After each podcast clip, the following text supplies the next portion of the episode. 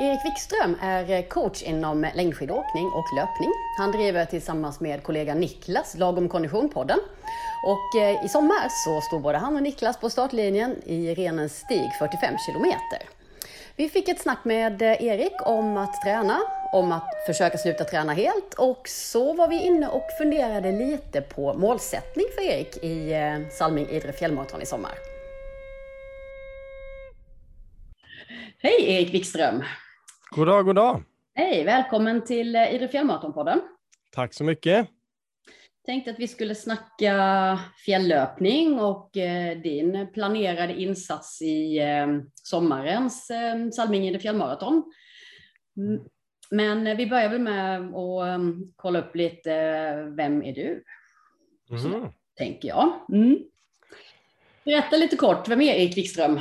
Oj, oj, oj. Eh, när jag sitter här i eh, mitt hus, eller vårt hus, i Sjömarken utanför Borås och eh, på min eh, dotters rum. Jag har tre barn och så sysslar jag mycket med konditionsidrott som jobb och eh, även utövare. Det är mycket idrott i mitt liv kan man säga på många plan. Så jag jobbar ja, med framförallt längdskidåkning och löpning med coachning och eh, diverse andra uppdrag och sen ja, håller jag på att tävla själv. Jag har hållit på med väldigt många olika idrotter, men det är framförallt löpning och längdskidor som jag tycker är roligast. Mm. Hur, hur blev det idrott från början? Oh, sportar inte alla. Nej, men jag vet inte, mina föräldrar har väl idrottat en del. Eh, pappa spelade tennis, han var duktig, han var med i juniorlandslaget. Eh, mamma har alltid idrottat men inte tävlat på det sättet. Hon saxade 1,40 när hon var 14, det är hennes främsta merit. Eh, men ingen håller på att tävla i konditionsidrott så som jag har gjort. Men det är liksom, nej, men det, jag är fostrad sportigt och, och, när jag var liten så var det liksom, ja, jag är född 82 och på den tiden gjorde väl väldigt många det då att man liksom alltid idrottade efter skolan och spelade bandy och vi hade ett, en grej som hette fyra mål får stå. Så vi var några kompisar och kanske tre, fyra stycken. Så var det en målvakt och så tre utspelare som mötte varandra då liksom. Så jag gjorde fyra mål först, fick stå i mål sen då. Så nej, men idrotten har alltid varit närvarande och, och jag höll på med liksom när jag var yngre var det ja, orientering och, och, tennis och pingis och, och ja, skidor och löpning. Då. Eller löpning har väl aldrig hållit på med organiserad form så på det sättet, men det ja, mycket idrott alltid. Valde du den här vägen med idrottsgymnasium och så, eller hur gjorde du det? Ja, eller jag blev väl inknuffad kan man säga. Jag var inte så, jag höll på med mitt stora problem kanske att jag alltid varit så intresserad av väldigt mycket. Eh, alltså så här, ja, men spelat musik på en ganska medioker nivå, eller väldigt medioker nivå ska sägas, men jag har ändå spelat liksom i band, varit med i elevrådet och, och hållit på med många olika idrotter, så jag, jag har blivit halvbra på mycket. Eh, så jag hade ingen tanke på att gå skidgymnasium faktiskt. Jag sökte inte ens, eh, men sen i ett omklädningsrum i Landvetter, så min kompis Linus Davidsson gick första året i Ulricehamn och sa liksom så här, Erik, sök skidgymnasiet nu, för nu, de gjorde om det från riks till lokalt, så att liksom alla som sökte och var seriösa kom in. Så man kan man säga, så ville man gå så fick man gå. Så tänkte jag, ah, ja men, ja, kan väl pröva det där. Så då, så då gick jag tvåan, så jag gick ettan i gymnasiet i Borås och så tvåan och trean i Ulricehamn då. Och sen den liksom, när jag satte min fot på skidgymnasiet så blev det ju väldigt mycket mer seriöst. På sommaren innan kanske man jag minns faktiskt att träningsveckor kunde vara att man gick på Friskis och Settis och sen sprang fem kilometer allt man orkade efteråt. Så gjorde man det två gånger i veckan på sommarlovet inför skidgymnasiet och sen blev det liksom, sen blev det väldigt, väldigt mycket träning då från, från det. Men innan dess, nej, jag, ja, jag åkte, jag vet inte, jag blev kanske 45 på ungdoms-SM som bästa. Men hur upplevde du den där omställningen då? Ifrån eh, lite mer lekfullt låter det som till eh, ja, en seriös idrott? Nej, men jag menar ett idrottsgymnasium, det är ju, det är ju en otrolig service man får och jag, jag trivdes väldigt bra. Jag hade bra vänner och, och, man, man blir ju en liten grupp där som hänger ihop med det mesta och man, man får ju vänner för livet där liksom. Och det passade mig ganska bra. Jag, liksom gå i skolan och träna och ett inrutat schema och, och jag har liksom inga problem att flytta hemifrån. Och, och, nej, men den miljön passar inte alla, men den passade mig och, och ja, men jag gillar det. Men jag fortsatte att göra massa andra grejer. Eh, det hindrade mig inte liksom. Men eh, mm, ja, det är bra. Det är en ganska skyddad värld att gå på ett skidgymnasium. Det är ju, man mm. får allting serverat. De, de lagar ju till och med mat, så vi åt mat efter träningen och på eftermiddagen klockan fem i skolmatsalen varje dag, eller klockan sex kanske det var. Det var liksom upplagt så att ni inte behövde sköta så mycket praktiska bitar själva. Ja, man kanske fick städa sin toalett då i, sin lägenhet, men nej, men det var, ja, det var väldigt eh, så, eh, mm. ja, bra förspänt helt enkelt. Mm. Ja. Men det var givet att det var längdskidor? Det var inget eh, annat eh, idrottsgymnasium du skulle gå på? Eh, nej, jag, jag vet inte om jag alltid har tyckt det var kanske roligt. Jag, jag, var nog kanske bäst på det, eller det var ju inte så många som åkte. Vi var på de där tävlingarna i Västergötland, då tävlar man i Tranemo, Falköping och, och, och Ulricehamn och Borås och sådär. Då brukar det vara kanske elva stycken i den årsklass, eh, årskullen liksom, och så blir man tre eller fyra ofta. Så det var men, men, fotboll var ett ganska dåligt lag och, och, tennis hade jag inte riktigt och pingisen hade slutat med och sådär. Så det, det, ja, det blev mm. skidor. Mm. Du har fortsatt åka skidor. Eh, vad, är det som, vad är det som är så bra med längdskidåkning? Varför är det roligt? Eh, jo, men jag fortsatte det och så, så var jag ett år hemma och så gick jag i USA och åkte i fyra år och sen la jag av och så la jag av i några tre, fyra år och sen började jag åka igen och anledningen till att jag började åka igen, det var för att eh, det var ren och skär fåfänga, för när man är skidåkare så vill folk prata om Vasaloppet. Och har man då eh, åkt skidor fram till man är junior i Sverige och sen flyttat till USA i fyra år och sen lagt av, då har man inget bra Vasaloppsresultat. Jag avskydde den här frågan. Folk började prata om vad har du blivit i Vasaloppet? För jag det spelar ingen roll att jag hade blivit nummer 13 på collegemästerskapen i USA liksom. Utan jag, jag fick ju alltid ha en ursäkt när jag skulle förklara min Vasaloppsplacering.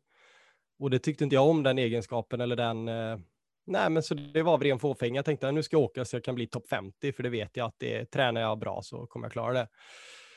Så det tog några år och så lyckades jag med det, men sen att man blir fast i skidåkningen, alltså den har så många komponenter och nu när man som coach hjälper då kanske 50-åringar som har börjat, liksom kanske konditionen inte är lika bra som förr, då kan man alltid få bättre teknik, man kan få bättre styrka, man kan ut, eh, liksom, utveckla materialet och, liksom, och då är det inte bara vallan utan då är det skidor och det är stavar och hitta rätt handremmar och det finns, dessutom kan man träna väldigt mycket på skidor om man nu har tid och möjlighet till det då. Så, och sen naturupplevelsen och, och variationsrikedomen det är ju, jag menar, att åka rullskidor i, i, i långtur i solig sommardag är fantastiskt och likaså liksom komma upp till, eh, jag vet att du varit mycket i Vålådalen till exempel och man, man, åker, man åker där en, en vårdag eller om man är i Idre där Idre fjällmaraton går och man ska eh, liksom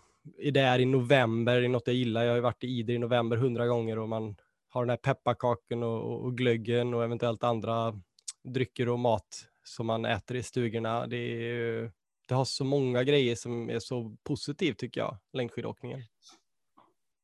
Det är alltid skönt att komma in oftast efter också. ja, men det är det. Ja, precis. Man klär på sig mycket och Nej, så det är, det, det, det är många komponenter med längdskidåkning jag tycker väldigt, väldigt mycket om. Och skaterullskidor till exempel, som är tävlingshjul när det går i över 30 kilometer i timmen i, i, på platten liksom och sånt. Det, det tycker jag är kul. Mm. Ja, för det du beskriver är egentligen, det är väldigt, mm, det är en året runt sport. Om man nu ska räkna in rullskidorna i längdskidåkningen eh, och det får man ju. Ja, det är inte alla som åker det eller vågar det. Och så. Stakmaskinen också, men att köra mm. stenhårda intervaller hemma i källaren när man svettas och, och, och, och, åker mot tider, det är också en tjusning, något som kanske inte alla tycker om, men, men ja, det är många delar. Mm. Mm. Varför la du då av med skidåkning någon gång? Nej, men jag är väl skolad i att det är det akademiska som gäller liksom. Eller jag vet inte, det var det paradigmet jag levde i på något sätt. Det var aldrig något mina föräldrar sa, men liksom det var, det, det var liksom inte, eh, jag har liksom aldrig drömt om att bli världsmästare på något sätt. Och, eller jag har nog aldrig någonsin drömt om det faktiskt. Så, så som mina kompisar på skidgymnasiet gjorde. Utan det var liksom, nej, man åker skidor, det är kul, man tränar för att åka bra på tävlingar. Jag har alltid gillat att tävla, jag har liksom aldrig haft prestationsångest. Eh, Och sen, eh, nej men då kände jag mig rätt klar i USA där jag har gjort en bra sista säsong, och bra på tävlingarna där och så skulle jag hem och jobba som doktorand och, och läste en mastersutbildning och så, men sen började frilansa lite för en, en skidtidning och en skidsajt och, och sen insåg jag att nej, men det är liksom, det är för roligt att och hålla på med. Jag försökte faktiskt lägga av helt. Vet, alltså när jag slutade då 2006, då försökte jag sluta träna. Liksom. Jag vet faktiskt inte varför. Men jag tänkte väl att nej, men nu kan jag göra som Svenne Banan och, och, och, spela tennis på tisdagar och jogga liksom på onsdagskvällar och så. Eh, inte vet jag, men eh, nej, det gick ju inte alls. Så då, Vad hände? jag, nej, men jag började springa. Jag hade ett jobb då som låg en, åtta kilometer bort kanske. Och så blev det att man sprang dit och så sprang man fortare och fortare. Och till slut hade man ju sprungit i 3.45 fart på morgonen. Och liksom...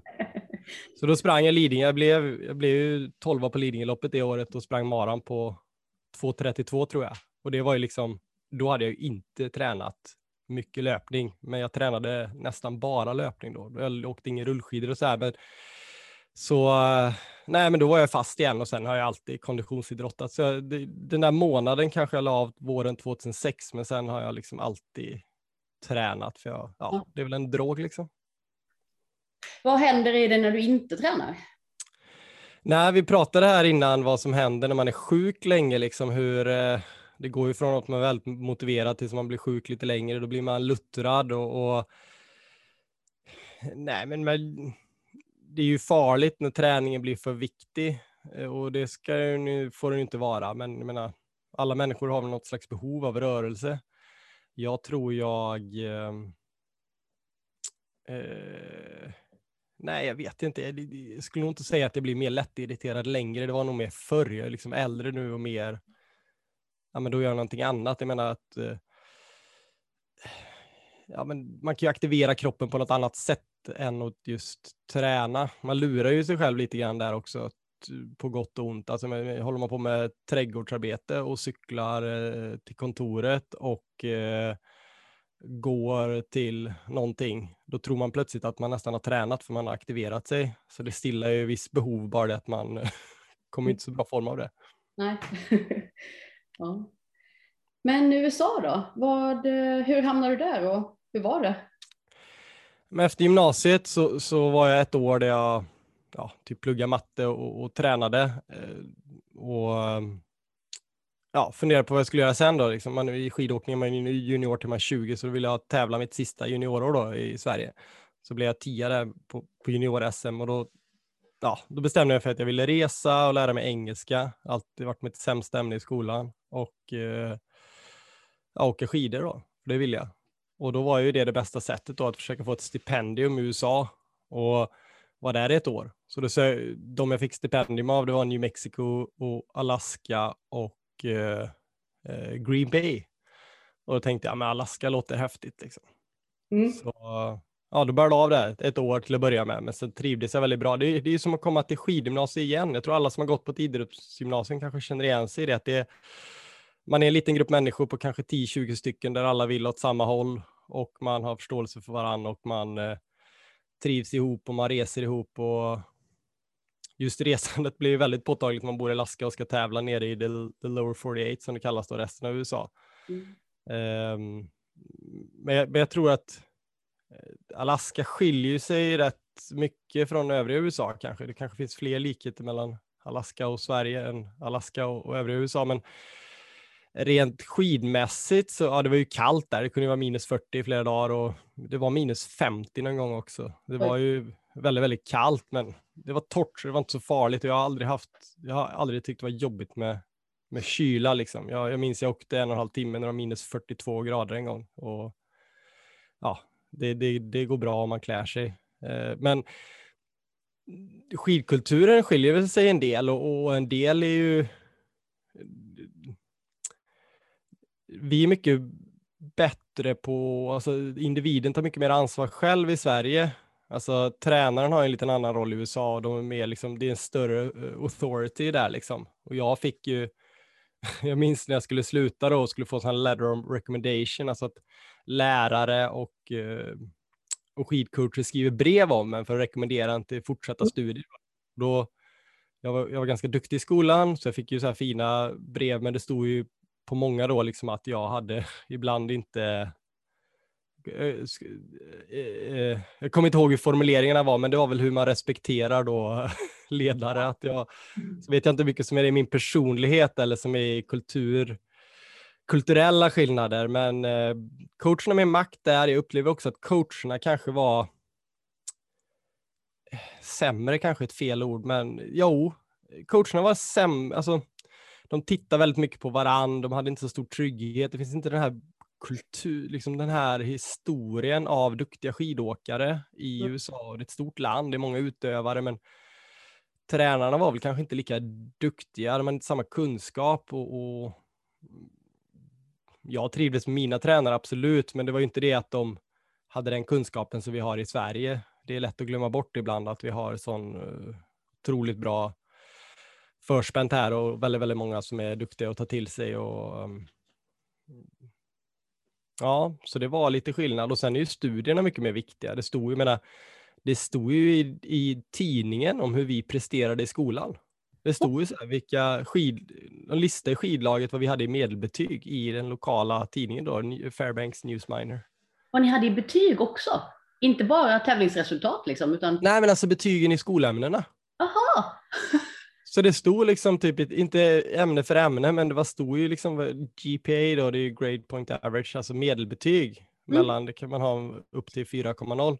Och då stod det ju det, vad folk hade då. Liksom. Man hade 2,7 eller 3,5 eller vad man nu hade medelbetyg då. Stod var, liksom, man blev definierad utifrån det ganska mycket då, låter det som. Ja, för du var tvungen att ha visst betyg för att ens få hålla på med collegeidrott. Kom mm. du under en viss nivå, då fick du inte vara med längre. Mm. Uh, så det är ju lite annorlunda. Sen satsar man ju kanske inte lika hårt där, men när går du på skola i Sverige så kanske du pluggar halvfart och liksom tränar ihjäl dig, men här pluggar ju i princip alla helfart då. Just det. Nu vet inte nu är det här länge sedan, jag menar jag ja. tog examen 2006, det är 15 år sedan, men jag är ganska säker på att det är ganska likt just det här med att man, man normalt sett, du, du pluggar heltid, mm. liksom, mer eller mindre. Var det, var det tufft i skolan?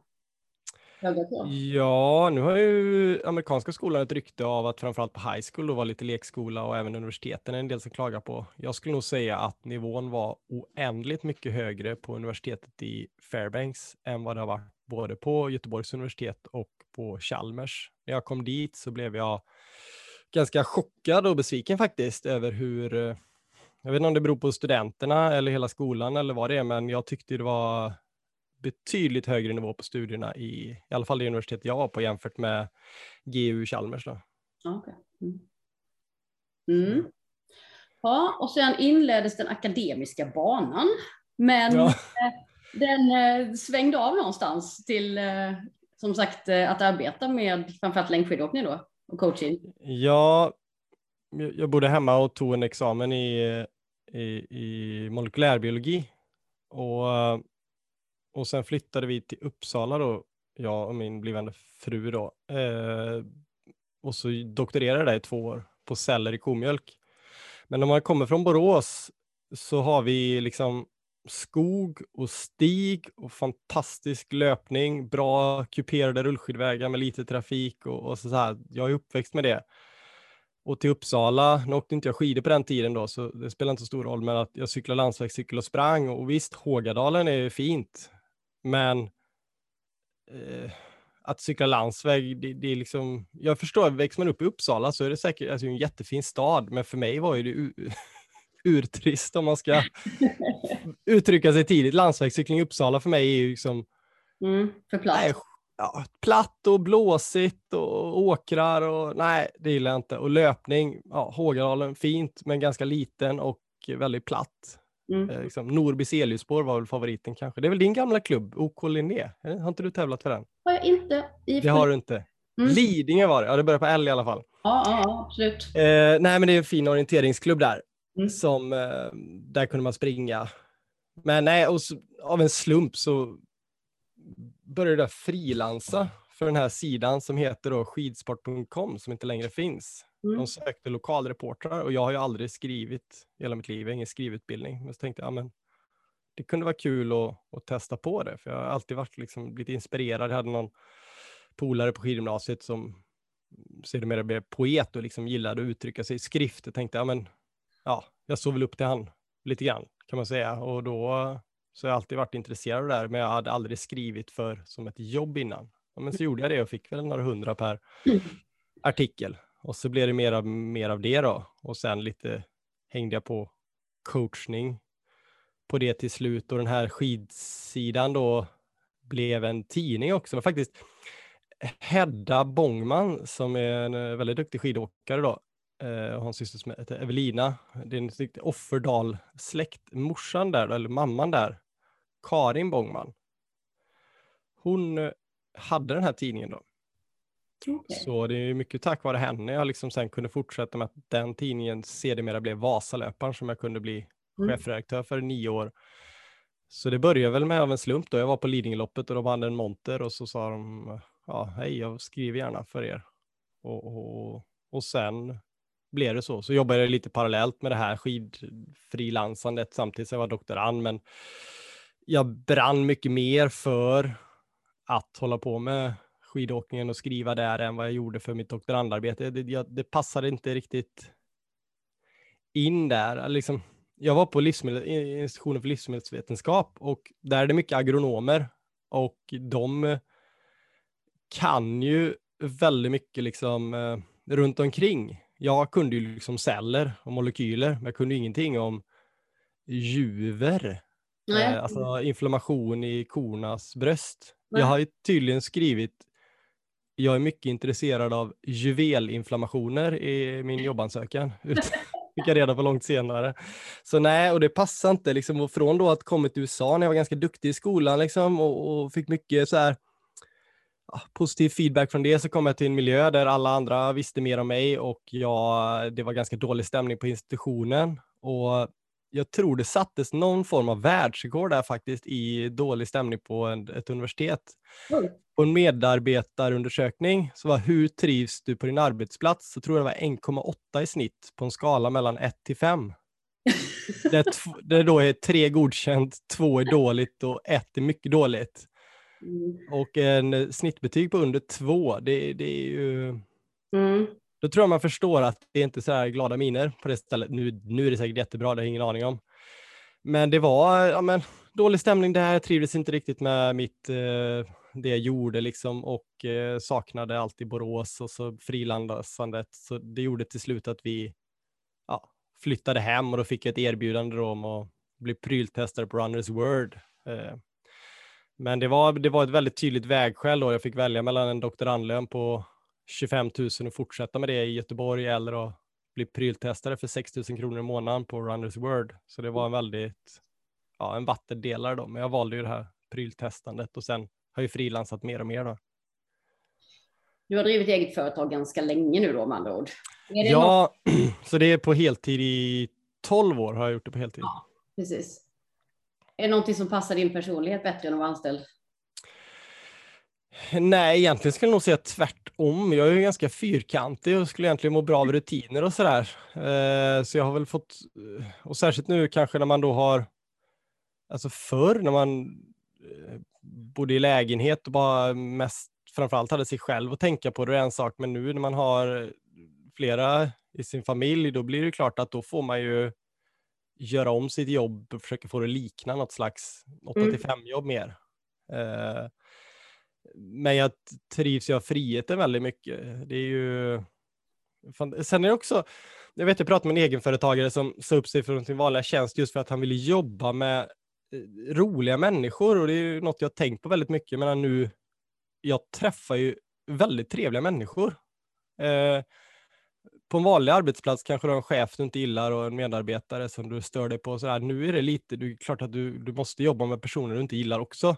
Mm. Men ofta i mitt jobb möter jag ju väldigt många människor jag tycker om och jag tycker det är en bransch där det i princip alla är liksom väldigt trevliga i konditionsidrottsbranschen. Jag möter ju folk som arrangerar lopp, jag möter folk som har en agentur för en produkt, jag möter folk som uppfinner produkter. Jag möter ju då mina de som tar hjälp av mig som alltså motionärer då, som ska åka skidor. Jag har mycket tekniklektioner på Borås skidstadion och jag har företag som hyr in mig som tekniktränare och eh, liksom alla man möter är väldigt, väldigt, eller i princip alla är otroligt trevliga. Så, så det är väl en stor uppsida kanske man var egen, att man, ja, man kan ju inte välja och vraka, men, men alltså man kan ju på något sätt styra in det på att man jobbar med väldigt trevliga människor. Man kan välja lite vilka man jobbar med. Är det inte också så att om man jobbar i den här branschen så man har kanske i högre grad valt det själv? Ja, så är det nog. Liksom om någon... Intresse på ett annat sätt än på många andra arbetsplatser. Ja, men liksom det, det, det finns många yrken folk blir ditknuffade i brist på att de inte, ja, att de tar det i brist på bättre kanske och då, då, då är det väl inte samma glädje till sitt, sitt jobb. Man väljer, möter väldigt få luttrade i den här branschen som är liksom bara, fan vad tråkigt det är att gå till jobbet. Um, sen möter man också många som kanske brinner för sitt jobb lite väl mycket. Och, och det kan ju vara en baksida också, att man, eh, ja, att det fyller upp hela ens vardag, hela ens liv. Mm, mm, precis. Mm. Du jobbar mycket med coaching. Mm. Eh, inom längdskidåkning främst, eller? Ja, det är lite grann löpning, men det är absolut främst inom längdskidåkning. Ja, just det. Eh, jag tänker att det kräver en del, um, man ger ganska mycket av sig själv när man coachar. Mm. Ja, Eh, det gör man ju. Och det är något jag reflekterat lite över att det är inget jag har haft ont av än så länge i alla fall. Men det blev väldigt tydligt för mig för jag var, jag var på ett läger en gång med andra coacher inom lite grann annan bransch. Och mm. när det blev dags att äta middag, då satte jag ju mig jämte någon jag inte kände av deltagarna på lägret. Liksom. Mm. För det såg jag som min självklarhet. Nu är jag här och det är kul att höra vad de gör. Mm. Medan de andra ledarna satte sig ihop vid ett separat bord för att prata med varandra. Um, och där tror jag kanske lite skillnad att jag, men där måste man nog vara intresserad av andra. Det, jag tror inte det går att fejka. Eller liksom när jag har ett skidläger i, i Idre till exempel. Jag har ju valt att ha Idre som eh, för lägren med coachingen då. Då har vi två stycken i november. Då, då väljer jag ju att bo i stugor. Jag bor ju inte på hotellet för att vara med mig själv. Jag bor ju i stugor med deltagarna för jag tycker det är kul. Mm. Men jag kan ju samtidigt förstå att andra coacher väljer att bo avsides för att man kanske vill ha lite privacy och sådär. Men jag, nej men för mig att komma iväg och, och, och basta med någon uh, motionär från Säffle som vill ta sig från led 7 till led 5 i Vasaloppet. Det kan ju vara skitkul. Vi kanske inte pratar om skidor i bastun, men om någonting annat. Mm. Men uh, det är... Uh, ja, men så man ger mycket av sig själv och jag har ju valt, liksom, jag har ju en, en podcast med, med 12 000 lyssnare per vecka. Jag har ett Instagramkonto, jag har en blogg, jag har... Uh, ja, men, jag är väldigt nåbar. Jag, det går att kontakta mig och mejla mig och ringa mig och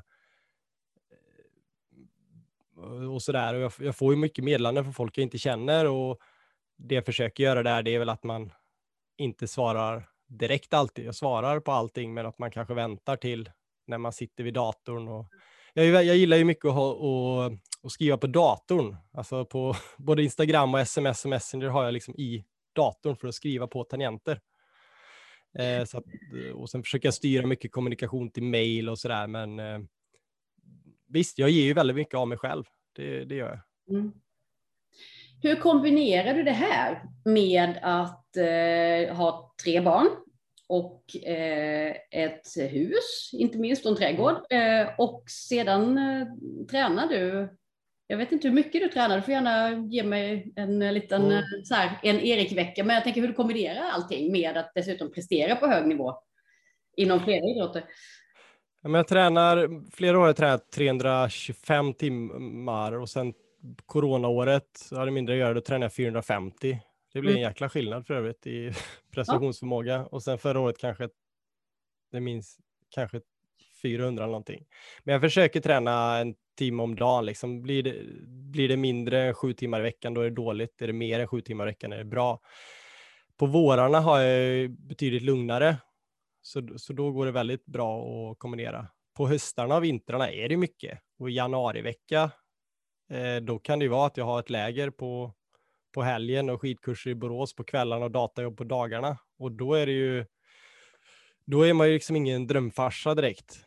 Och, men det är ju något eh, jag och Ida pratat igenom och liksom den, eh, det är klart att januari blir en väldigt viktig månad för mig och det blir kännbart om jag missar den och, nu till exempel i corona-året här då, så när familjen blev sjuk så bodde jag tre nätter på ett annat ställe just för att, inte för att min tränings skull, utan för att då var det karantänsregler.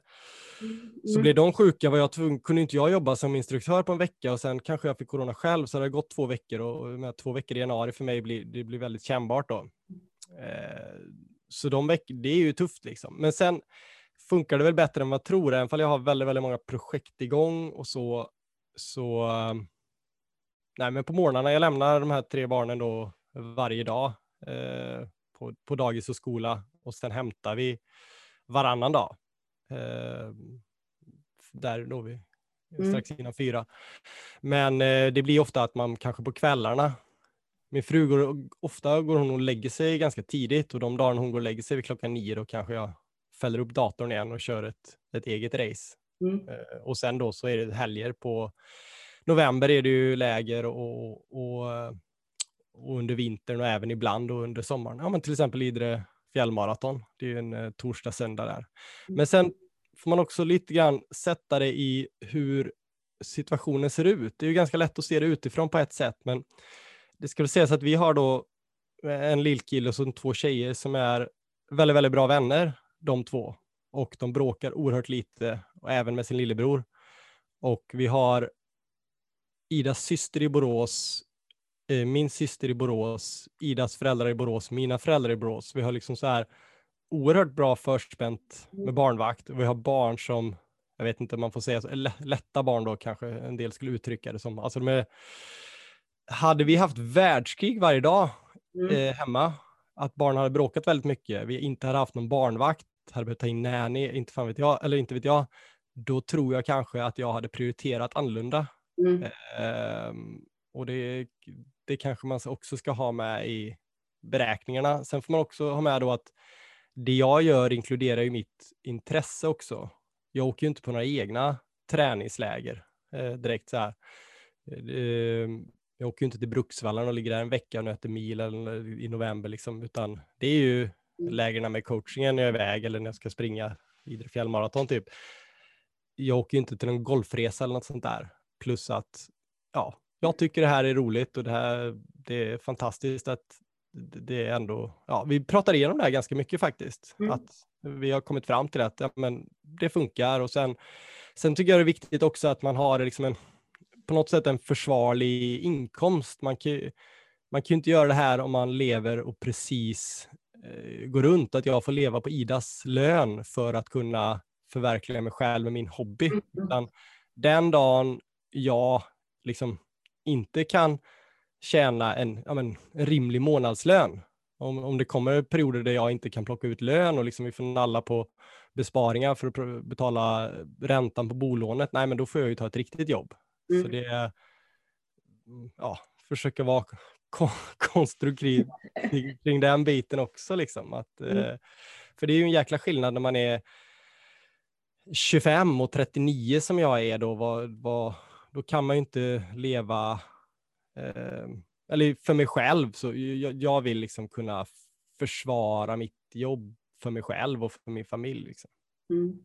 Sen, sen finns det också, ska också säga att det finns ju rätt stor stolthet i, jag menar Astrid Maj tycker framförallt eh, stortjejen då, hon tycker det liksom är väldigt kul med det här. Hon vill ha en Wikström coaching-jacka nu vid senaste klädbeställningen och liksom att man, ja, hela mm. den grejen också lite, och det kan jag ju känna en stolthet i att man ja, men har byggt upp det här och liksom fortfarande kan leva på det, så får vi se hur länge det varar. Men ja, det är många komponenter. Mm. Men när lägger du in träningen då? Transporttränar du eller hur gör du? Nej, oerhört olika. Jag har ett kontor tre kilometer bort men ofta sitter jag hemma. Alltså, som du ser här i, i bakgrunden på Zoom här. Eh, jag, nej, det är oerhört varierande. Den tiden jag, jag tränar nästan aldrig i middagstid, alltså klockan 18. Det är på onsdagar jag gör det ibland, för då är övriga familjen på ridskolan, så då passar det väldigt bra. Men annars så försöker jag träna på dagtid helt enkelt. Och ibland, när Stig var lite mindre sprang jag mycket barnvagnslöpning, då vid klockan åtta ungefär på, på kvällarna. Men Peder Hallberg, man med Linda Hallberg som har gjort fina framsteg på, på din tävling där. Så han och jag sprang en del ihop på, på kvällarna då och ehm, det funkar ju väldigt bra så. Men sen, ja, nej, det är väldigt, väldigt olika liksom. Eh, hur man får till det. På skidorna blir det mer att man gör det i anslutning till när man har lektioner kanske då. Mm. Uh, styrkan ju, kan man ju göra med barnen, ofta ibland med frun också. Men hon är inte så träningsintresserad. Så man får Nej. med henne. Det behövs som motvikt i den här familjen kanske? Ja, men kanske. Ja, det är väl så. Nej, men vi, vi har någon sån här matta man kan göra hjulningar på och så där, så den kan man lägga ut i träningsrummet när barnen är där och så kan man köra själv. Då, liksom. Ja. Vad är det som... Eh, vad driver dig att träna? Är det ett uppsatt mål eller är det må bra-aspekten? Ja, men jag är nog en hybrid där. Jag är ju då närmare mig 40, men jag är fortfarande ganska prestationsinriktad. Eh, eller har alltid varit, inom allt egentligen. Och nu under där coronan, jag, då tränade jag lite mer ett år där, då slog jag ju pers på allt liksom. Styrka, mm. bänkpress, chins, skijärg 5000 meter, löpning 3000 meter, åkte snabbare på rullskidor än någonsin. Alltså så här, jag blir väldigt, väldigt bra på det. Det är klart att det är roligt att vara bättre än någonsin eh, när du kommer upp i åren trots att du har tränat hela livet. Mm. Så det drivs sig fortfarande över. Jag menar, jag kommer aldrig vinna Vasaloppet, jag kommer aldrig bli topp 10 i Vasaloppet heller, men jag brukar senaste åren har jag blivit runt 70 ungefär i Vasaloppet, nu senast lite sämre, men jag försöker hålla mig topp 100, det är ett stort mål då. Eh, bäst har varit 25 25 har varit som bäst. Mm. Eh, nu för två år sedan, då var jag bättre i allt än när jag blev 25 Så mm. det säger ju en del om eh, nivån på skidåkning. Jag skulle säga mm. att eh, jag har 25 blir man inte om man är... Hade jag satt mig själv 2014 idag på startlinjen så är jag tveksam till om det hade blivit topp 100 faktiskt. Ja, okay. mm. Eller det hade jag nog blivit, men det är liksom... Det är lite skillnad ändå.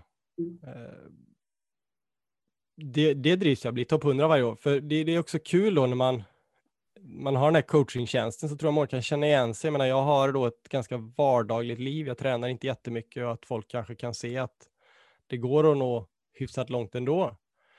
Sen kan jag drivas av eh, ja, men liksom hela den här ultralöpningsgrejen. Nu har jag aldrig haft någon bra löpvolym. Liksom. Jag tror aldrig jag sprungit mer än liksom, fyra mil i, snäck, i, i snitt i veckan under ett år. Mm. Det är klart att det vore jättefräckt att liksom kunna springa 10 mil i veckan ett år och ställa upp på ett ultralopp och kanske springa lite bra. För jag har ju någon slags fallenhet för det, men jag har liksom aldrig tränat ordentligt inför ett ultralopp. Um, så det är väl någon slags, och där har jag väl kvar ett något slags elittänk, för där vet jag, jag menar, mitt, mitt syreupptag räcker väldigt, väldigt långt fortfarande mm. inom ultralöpning och eh, jag har ju några år kvar att ge tycker jag. Eh, så där har jag väl någon slags så här, vore kul att göra något riktigt bra där. kan jag bli ganska inspirerad av folk som ja, dels på, på elitnivå i Sverige och även i Borås. Jag menar, det är några, ja, men några polare här, du vet, de är bara börjat springa 10 mil i veckan för några år sedan, gamla fotbollsspelare och blir skitbra. Och där kan jag tycka att löpning blir så demokratiskt så. Det funkar inte riktigt likadant i skidåkning. Det där har man, det är så många komponenter där med tekniken och sådär och, och, allt möjligt. Eh, löpning är det mycket lättare att bara springa mycket så blir du bra. Mm. Springa mycket utan att bli skadad så, så, så blir det bra. Nej, men så jag drivs topp 100 i Vasaloppet och presterar i Ultra och sen det är det klart att må bra-grejen är ju en ganska stor eh, sak för mig. Jag gillar ju verkligen att ja, det jag gillar, jag tycker om tjusningen med många träningsformer som beskrev innan gällande skidåkning, men bland det jag gillar bäst det är ju bara att gå ut och springa på stigar i skogen. Uh, och jag mm, har ofta podd när jag springer, för ofta är det någon podd jag vill eller behöver lyssna på. Mm. Men stannar jag, stoppar jag den av någon anledning, uh, så glömmer jag ofta sätta på den igen.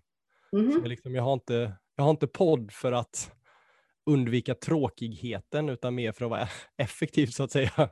Sorgligt mm. nog. Men jag skulle kunna gå en, alltså att springa i lagom behaglig fart på stigar, det kan jag ju göra hur länge som helst. Jag bara älskar det och jag tror också det har att göra med att jag har en viss skadehistorik. Jag har haft många små skador som gjort att jag inte kunnat springa i löpning då. Och att bara kunna springa fritt på stigar runt om, det är, ja, det är något som jag verkligen gillar. Mm. Eh, och det ser jag också som ett problem då i, i Vejbystrand. Där tillbringar vi mycket tid på sommaren. Då tycker jag ju havet är vägen. Och det är många som skrattar åt det, eh, att det är så fint. Vad sa du? Ja, du ser det så. Ja, jag tycker det är liksom så här. Mm. När jag kollar på vissa kartor, folk som bor i Stockholms skärgård vid havet, så känner jag mig helt inklämd. Liksom. Jag får nästan panik bara av att kolla på kartor. Jag vill ju ha mycket liksom, skog.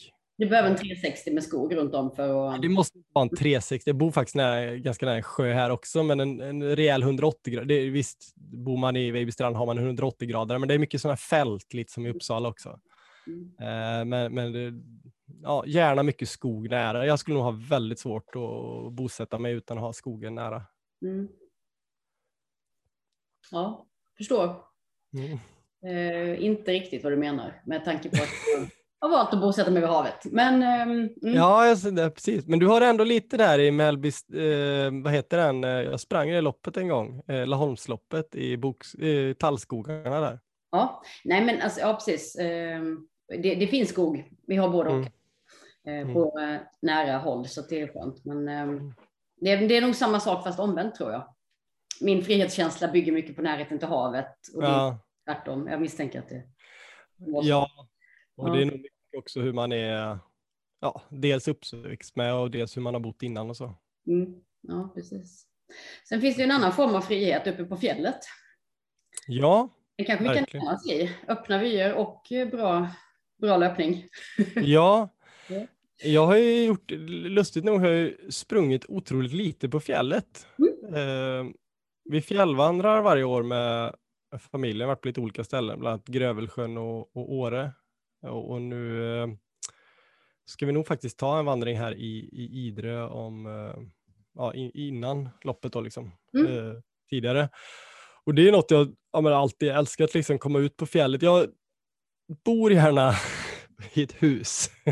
Inte, jag är ingen tältkille. Jag har tältat mycket, både som vuxen och barn. Men mm nu för tiden så gärna på fjället. Inga problem att det regnar och blåser, men just sömnen, det tar jag gärna i en stuga. Um, nej, men så har jag sprungit lite på fjället, liksom de har varit uppe i Jämtland, tagit några turer där och liksom i Grövelsjön hade vi något barmarksläger. Jag, jag ledde något år och vi sprang mycket där och jag har egentligen alltid älskat att springa i bergen. Eh, och, men det har inte liksom blivit så mycket. Det, det är en bra fråga alltså. Varför gör jag inte det mer? Det borde jag verkligen göra. Mm. Um, nu är väl, um, som sagt, uh, ja, vilken distans springer du den 20 augusti? 45. Mm. Eh, och det tror jag blir bra. Jag skulle nog kunna tänka mig att springa ännu längre så kanske. Eh, jag har ju ett lopp i, som heter Bjäre Trail Run i Skåne mm. som jag ska springa på sommaren där innan. Det är 51. Mm. Så det är inte fjäll, men det är väldigt mycket upp och ner, så det blir en bra förberedelse. Mm. Nej, men det är Idre, det känns verkligen roligt. Jag har ju aldrig sprungit ett fjällmaraton innan, vilket också är lustigt att det inte blivit av. Så nej, men det är väldigt lockande liksom och särskilt ni är så duktiga på filmer och bilder och, och, och ni lurar med en. Det, det, så man blir väldigt peppad på, på springaren när man ser det. Så det är faktiskt något jag ser väldigt, väldigt mycket fram emot. Och, mm.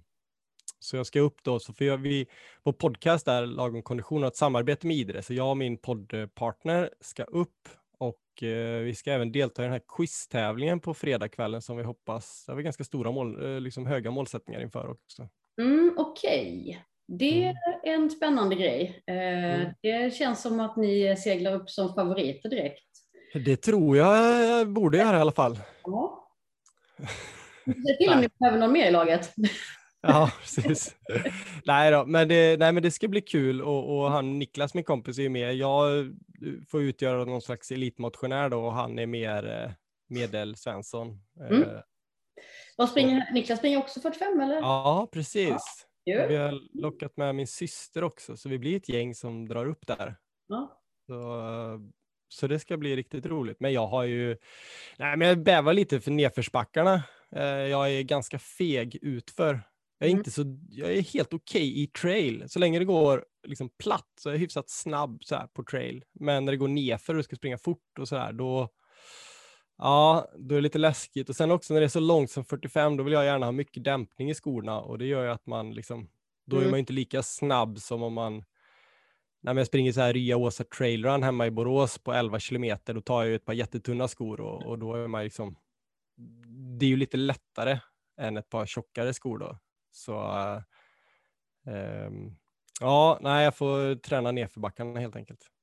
Ja, det finns ju två aspekter i nedförsbackarna, tänker jag. Dels det här att om du springer länge utför så du slår lite sönder, kanske framförallt lårmusklerna som du måste ligga och mm. bromsa med. Och sen är det ju mm. det också med att um, terrängen i det är ganska tuff ner med stenar och rötter och mycket att parera. Så att, eh, ja. ja, det, det, det är det jag bävar för. Det är väl det jag ser fram emot minst den här helgen faktiskt. Men det är bara att lära sig. Ja. Vad har du för mål med? Eh... Oj, jag har inte kollat varken resultatlistor eller startlistor. Jag har lite grann slutat med det faktiskt. Mm. Uh, jag, jag, har ingen aning. Jag vet inte om jag kan bli femma eller 35 liksom. Mm. Uh, men uh, nej, men målet är väl att Nej, men jag gillar ju att ha resultatmål. Jag tycker det är astråkigt när folk säger jag har som mål att ska eller i alla fall när elit säger jag har som mål att komma så bra förberedd som möjligt på startlinjen. Det är ett otroligt tråkigt svar kan jag tycka. Samtidigt så kan jag förstå att det är ett hälsosamt svar från en motionär. Mm. Eh, nej, men i mitt fall, det, det får, jag, jag, kan ju inte ultralöpningens elit heller, så jag får, jag får väl kolla. Du kan väl sätta ett mål åt. Jag springer här eh, Bjäre trailrun och så får du mm. kolla på min tid där och sen tänker jag att du sätter ett mål åt mig ah. utifrån startlist, ah. resultatlistan. Spännande, spännande. Det, mm ska jag absolut försöka göra. För du har säkert koll på liksom de som ja. springer. Ja. Pratar vi placering eller tid? Eh, ja, om det är samma bana och liknande förutsättningar så går det väl att ta både placering och tid då kanske. Ja. Ja. Vad, vad vin, hur lång tid tar det? Vad hade vinnaren? Eh, Fredrik Backman sprang på 3.30 2018. Eh, det var ju en mm. väldigt torr sommar som vi vet. Så att det ja. var ju, som sagt väldigt torrt. Och sen är det så här att banan är ju omgjord också. Eh, ja. Man slipper en del av det här myrtraskandet. Mm. Um, och en ganska tuff uppförsbacke samtidigt som ni ska högre upp på städjan, mm. uh, ända upp. Och uh, kommer få en avslutning på Slättvålen precis söder om Idrefjäll där det är en del obanat faktiskt. Väldigt, väldigt vacker okay. Det blir en ny, ny terrängtyp som vi inte har erbjudit innan faktiskt. Så att, eh, Klart att Mellby-strandarna hade dragit med lite tallskog. man vill ju gärna ha det som man känner sig. Man vill det, ja det är bra. Ja, det är en mindre stenig eh, avdelning av loppet också, vilket ju kanske mm. var skönt efter eh, städjan och nedförsläppningen från städjan. Ja. Som väntar där borta. Så att, nej, det är superfint där. Är det. Ja. Mm. Ja, så det, det, gör ju att tiderna är svåra att jämföra. Ja. Men... Ja, men han är ju ganska mycket snabbare än mig i alla fall. Eh, så då lämnar vi ut ett tag. Vi funderar på den. Kommer du att träna på något speciellt sätt? Du säger att du ska träna på nedförsbacke. Är det något annat som du lägger in i din träning för att vara förberedd? Nej, men jag sprang en sån här vertikal kilometer igår. Eh, upp och ner i en eh, slalombacke i Bollebygd eh, mellan Borås och Göteborg. En 90 höjdmeter, sprang upp och ner i liftrännan mm. med en stifa på 91,5. Vet du vad stifa är förresten? Ja, det har att göra med stigning versus uh, längd, va? Ja, precis. Så det är höjdmeter per kilometer då. Så, så mm. 90 är ju väldigt, väldigt högt. Ett, liksom en, ett kuperat spår kanske är 20-25, då anses det vara ganska kuperat, så 90 är extremt då. Eh, men det är ju så 1000 höjdmeter där och det är på 11 kilometer eller vad det var. Och det ja. känns ju rejält i eh, framsida lår idag av allt bromsande. Mm. Så nej, men jag har jag kommer nog försöka bara springa så mycket som möjligt, för jag springer så mycket. Alltså i min vardagsträning så är det, när jag springer hemifrån och ut på mina vanliga runder så är det ganska kuperat. Så, så min träning kommer nog vara att eh, springa alltså, så mycket som möjligt, försöka hålla sig frisk och skadefri. Jag åker ju ganska mycket rullskidor också, men eh, kan jag springa mina 3 till 5 mil i veckan och eh, springa det här loppet på Hallandsåsen så det är nog min eh, förberedelse. Kanske något extra långpass då som man mm. får med det. Det brukar vara jag ganska dålig på att få till de här långa. Jag springer ganska sällan över 15 kilometer. Okay. Mm. Mentalt då? Ja, eh, jag, jag vet, jag blev intervjuad för några år sedan i en sån här en podcast som handlar om mental träning. Mm. Och jag har aldrig liksom funderat över mental träning, men då fick jag höra ofta att jag tänkte på ett sätt som var ganska klokt kring det där då. Liksom att man... Du var naturlig på det. Vad sa du? Du var en eh, naturlig begåvning på det. Ja, jag är ju självgod så jag absolut. Ja, men så. Nej, men det. Mina problem är ju andra liksom. Det mentala är nog inte mitt problem liksom. Mitt problem är att springa tillräckligt fort. Jag har för dåligt styrupptag, för dåligt benstyrka, för dålig nedför. Så här, mentala kommer eh, troligtvis vara på sin plats liksom. Mm. Jag har inget emot jävliga förhållanden liksom. Regnar det, blåser det, jag tycker inte det är så farligt. Och, och eh, ja, nej, men jag, jag, tror inte det är så. Mm. Jag har liksom ingen prestationsångest heller. Nej. Jag struntar i om det går halvbra eller, eller liksom, det, det är absolut, det är kul när det går bra, mm. men det gör inte så mycket om det inte går bra, så det är okej. Okay. Mm. Det här med, ehm, jag tänker när man ändå springer 45 kilometer i fjällen, det tar ju sin lilla tid. Ehm, energiintag, vätska. Lägger du upp en plan där eller hur? Jag, jag, vet inte, måste man ha med sig någonting? Alltså typ en jacka eller någonting? Ja, det finns en lista på obligatorisk utrustning som är inriktad ah, då, då blir man tvingad att springa med ryggsäck då? Ja, eller ett sånt där, du har ett bälte där du kan trycka ner allt. Men ja, löparryggar är Ja, för jag har en ganska stor aversion kring vätskeryggar överhuvudtaget.